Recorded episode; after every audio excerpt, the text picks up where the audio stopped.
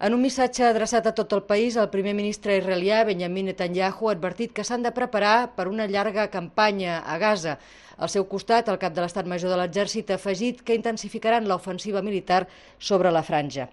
Hores abans, Hamas i Israel s'havien acusat mútuament d'un atac a l'Hospital del Xifa i al camp de refugiats del Sati, però testimonis presencials, entre ells un reporter de la cadena nord-americana NBC, afirmaven que havia estat un dron israelià el que com a mínim havia bombardejat l'hospital, un dels principals de la franja i on es porta sempre els ferits més greus.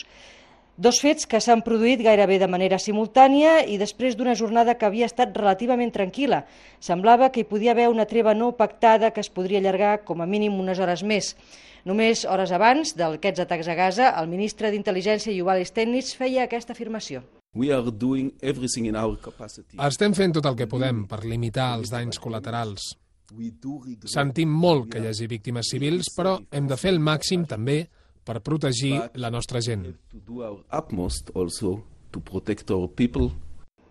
El moviment palestí Hamas s'ha atribuït fa una estona i com a resposta als atacs israelians d'avui de l'Hospital del Xifa i del camp de refugiats del Sati el llançament de diversos projectils al sud d'Israel que haurien fet diversos morts.